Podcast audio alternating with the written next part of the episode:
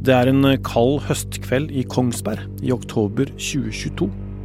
Tre kompiser midt i 20-åra har vært i en bursdagsfeiring, for så å dra videre til utestedet Privaten i byens sentrum. Her kommer Kevin, en av de tre kompisene, i en krangel med en av utestedets vektere. De tre mennene blir bedt om å forlate utestedet. De går så videre til en bensinstasjon som ligger rundt fire minutter unna. Til Dagbladet har de fortalt at de dro hit fordi det var her de skulle bli henta. Mennene kommer fram til bensinstasjonen, og der står flere politifolk sammen med vekteren som ba dem om å gå. Det som så skjer, blir fanget av et overvåkningskamera, og det har fått stor oppmerksomhet de siste dagene. Videoen er bl.a. publisert av Dagbladet og viser dramatiske scener. I starten av videoen er stemninga rolig. De tre mennene går mot politibilen der politimennene står.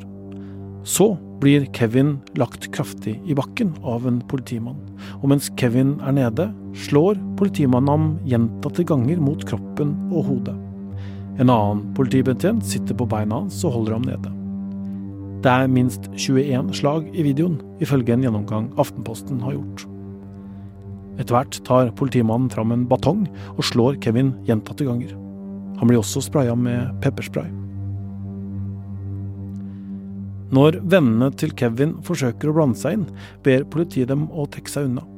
En av dem blir likevel angrepet og blir ifølge Dagbladet slått med en batong i venstre lår. Basketaket pågår i 1 minutt og 19 sekunder før politibetjentene og mennene forsvinner ut av overvåkningsbildene. Jeg heter Tor Erling Tømtrud, og dette er en ekstraepisode av Krimpodden i VG.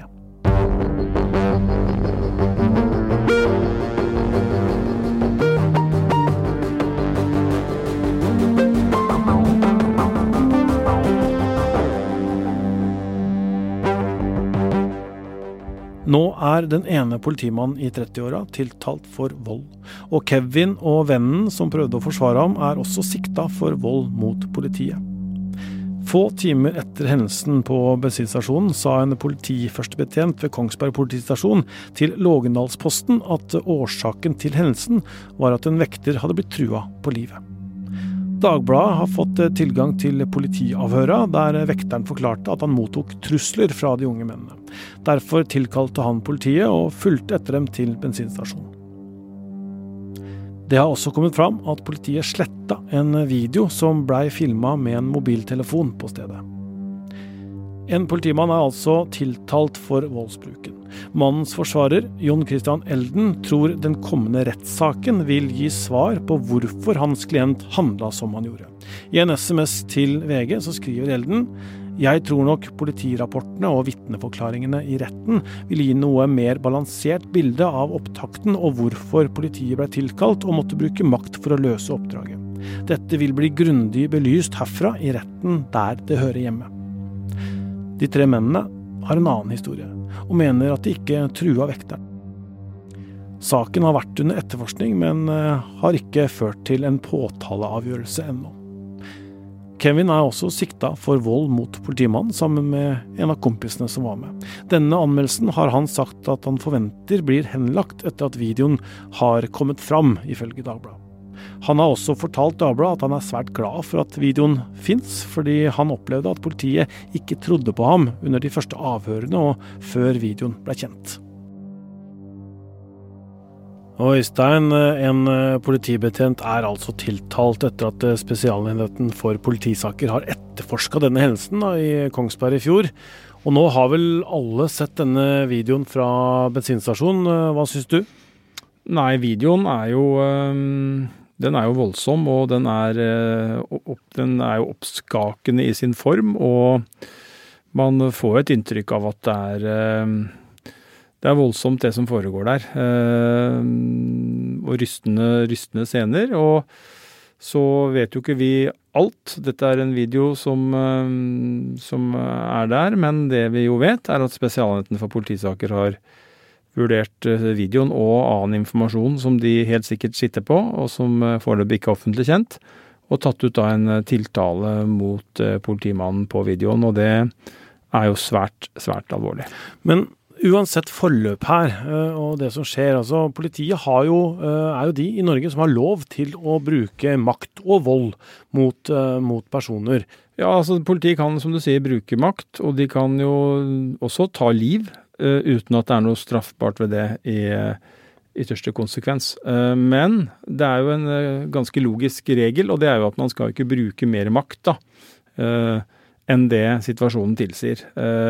Så altså, i en gitt situasjon så kunne jo hvis, det, hvis den politimannen på videoen slåss mot en fyr som hadde kniv i hendene eller var bevæpna, så ville det kunne hende at saken stilte seg annerledes. Så det handler jo om den eh, enkelte situasjonen. Og her mener da Spesialenheten at eh, det er ikke noe samsvar mellom situasjonen og bruken av makt eller eh, ja, kraft, råkraft, som, eh, som du ser på videoen. Og det er jo da bakgrunn for at man har tatt ut en tiltalebeslutning. Eh, så det er jo det er jo, eh, det er jo mye er altså Politifolk har jo mange Kall det regler, eller eh, er jo opplært i akkurat dette som mye annet, nemlig å skulle gå inn i en situasjon og pågripe folk eller stoppe en pågående voldshandling på mest effektive og fornuftige vis. Hvor selvfølgelig en av de viktige tinga er å bruke minst mulig makt, minst mulig vold for å, for å få til det. Og, og, det er jo det som eh, på en måte eh, ligger i, i bunnen. Og så har man da denne situasjonen her hvor, eh, hvor Spesialenheten mener at det er at politimannen har gått langt, langt over streken. I rapportene fra politifolk som var der, så har det kommet fram at det blei fremsatt trusler mot politiet også. Det var trusler om å drepe dem. Hvordan spiller det inn her? Ja, Det er jo da noe av det bakteppet som Spesialenheten helt opplagt har, har, vurdert. Man har jo avhørt uh, noen vektere som er i en situasjon i forkant her, sånn som vi har forstått det. Uh, man har avhørt de politifolka som var involvert. Man har avhørt de som ble utsatt for pågripelsen, og kompisene til, til mannen. Og det er klart at da har man, og så har man videoen på toppen av det, og, og, kanskje har man også mer informasjon enn det vi ramser opp nå. Men, men summen av det her er jo da gjort at man mener at det er uh, grunnlag for en tiltale, og da har man jo vurdert da på å si farepotensialet i da eventuelle trusler eller hva som er sagt og gjort i forkant. Og så er det jo en del av historien at de avviser jo det, de som blir beskyldt for å ha sagt noe, så det er jo påstand mot påstand der. Eh, men alle disse tingene som vi snakker om nå, har jo da Spesialenheten brukt tid på å etterforske, undersøke, vurdere siden dette skjedde i oktober. Og eh, endte da opp med den konklusjonen som har blitt kjent nå de siste ukene. To av de mennene som var på den Nessus-stasjonen eh, er fortsatt sikta for vold mot politiet. Men de sier jo i, medier at ja, men det, bare se på videoen, så, så skjønner de jo hva som er sannheten. Ja, og det vil jo bli avklart. Eh, og så er det ikke sikkert det er noen eh, nødvendigvis på generelt grunnlag, så er det jo ikke sånn at man, man, man er, det, det, kan jo være sånn at noen som man blir sikta og eventuelt får en reaksjon i en konflikt selv om altså begge parter får det. Det er ikke sånn at bare én behøver å få det nødvendigvis, uten at vi vet hva som blir utfallet i denne saken, da. Men det er som du sier viktig å presisere at, at de mennene som er sivile her i denne saken de bestrider jo veldig det som eh, er blitt fremsatt av påstander i forhold til hva som skal ha blitt sagt og gjort i forkant. Og så har det kommet fram at det er en fra politiet som sletter en video på en mobiltelefon, som da en av de andre filma. Hva tenker du rundt det? Det er svært alvorlig, det òg. Og det er ikke lov. Det er slått fast. Og det har jo ikke vært den første saken, dessverre, hvor noen i politiet faller for fristelsen. Og så tenker man jo mer enn som så om, om sånt, en sånn situasjon. Og det er jo Altså, denne, dette opptaket kunne jo vært eh, frifinnende, eller vært et godt forsvar for, for politi, politimannen, da. Eh, hvis det viste at det versjonen han og kollegaene eh, opplever, opplevde, viser seg å få støtte i en video, så når man da velger å slette for det første, for å ta det aller først, så kan man jo komme i tanker om at uh, gjør man det fordi at uh, den videoen viser noe man ikke vil at noen skal se, det er jo noe man fort kan komme til å tenke. Det er jo det ene. Og så er det andre er jo at det at politiet uh, går inn og her er det vel snakk om at man har brukt FaceID og holdt telefonen foran et ansikt. Det er påstand om det, i hvert fall. Det er påstand om det, og så understreker vi igjen at denne saken kommer for retten, og da får vi alle svar. Men hvis det er riktig, da, for å ta det tydelige forbeholdet, at man har gjort det på den måten og sletta, gått inn og slette, så er det et grovt overtramp. og jeg forventer at uh, ledere i norsk politi, både på lokalt, regionalt, og nasjonalt nivå, rydder opp i dette her, og, slår, og får slått fast en gang for alle at uh, at man skal ikke begynne å ta, ta, plukke telefonene fra folk i det offentlige rom som filmer eh, hendelser som er av åpenbar offentlig interesse, og som i denne saken. Eh, her vises det jo til fulle da, hvor viktig det kan være å ha dokumentasjon. Så skjønner jeg at det er provoserende kan være. Jeg skjønner at det kan være belastende for politifolk å bli filma i tjeneste. Men eh, alle hensyn sett opp mot hverandre, så tenker jeg at det viktigste er at vi har den muligheten den, eh, til å kunne filme og dokumentere det som skjer i det offentlige rom når det er hendelser som denne. Og så er jo da politifolk de har, en, de har en særstilling i det norske samfunnet. Det er de som kan utøve vold mot, uh, mot personer. Og nettopp derfor så er det viktig at hvis de blir filma eller dokumentert på en annen måte, så, så, så at, det, at det ikke blir sletta. Ja, det er det. Og det er som jeg var inne på, det kunne jo vært eh, Det opptaket kunne ha vært gull verdt, det. For, eh, for eh, de altså politifolka som var der. For det kunne da potensielt ha vist at, at det de sier, og, og, slik de opplevde denne situasjonen, at det var sant. Mm.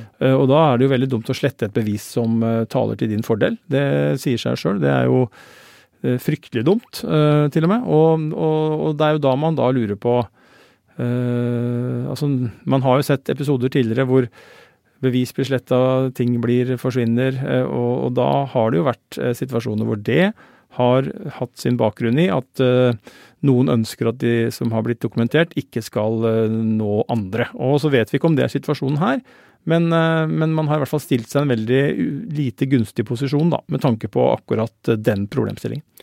Men overvåkningsbildene fra Esso stasjon de er der, og, og, denne saken ble jo da veldig kjent etter at uh, Dagbladet uh, publiserte denne videoen. Det er flere medier som, som, har publisert den, men ikke VG. Hvorfor ikke? Nei, det er jo sånn at uh, videomateriale og bildemateriale er uh, bl.a. Opphavsrettslig, opphavsrettslig beskytta. og det er ikke noe uvanlig at et mediehus har en video, et annet mediehus ikke har en video. Det kan være TV 2 som har en video det ene øyeblikket, og NRK som eh, har, og ikke TV 2 har, for å ta et eksempel, i neste runde.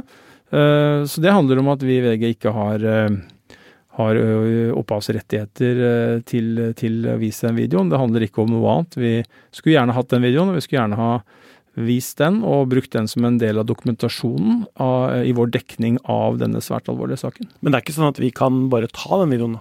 Vi kan ikke det, og det er kanskje noen som eh, tenker at det er sånn, sånn det er. fordi at det er jo en del der ute som uh, gjenbruker bilder fra sosiale medier, og som uh, reposter og ja, ting flyr jo flyr jo der ute. Eh, men for oss som jobber i, i mediehus og redaktørstyrte medier, så er det kjøreregler på dette også, som gjør at vi eh, ikke bare kan eh, knabbe, for å bruke et sånt uttrykk, det vi vil.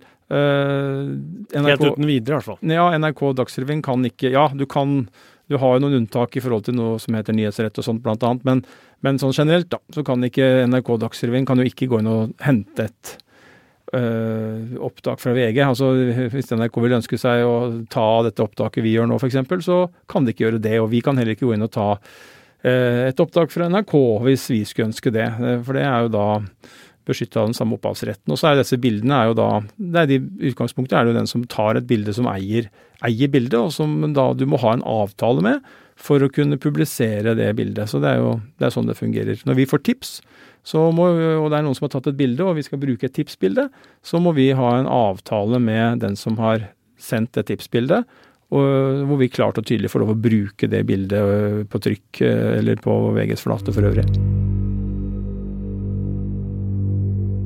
Vi jobber øh, med å få snakke med mennene som var involvert i denne saken sjøl, og vi håper vi kan komme tilbake med flere episoder om denne hendelsen i Kongsberg.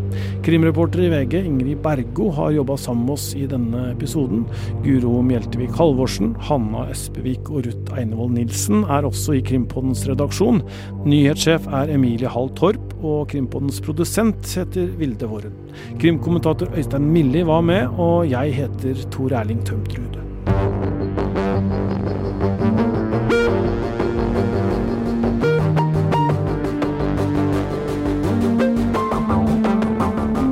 Du har hørt en podkast fra VG. Ansvarlig redaktør, Gard Steiro.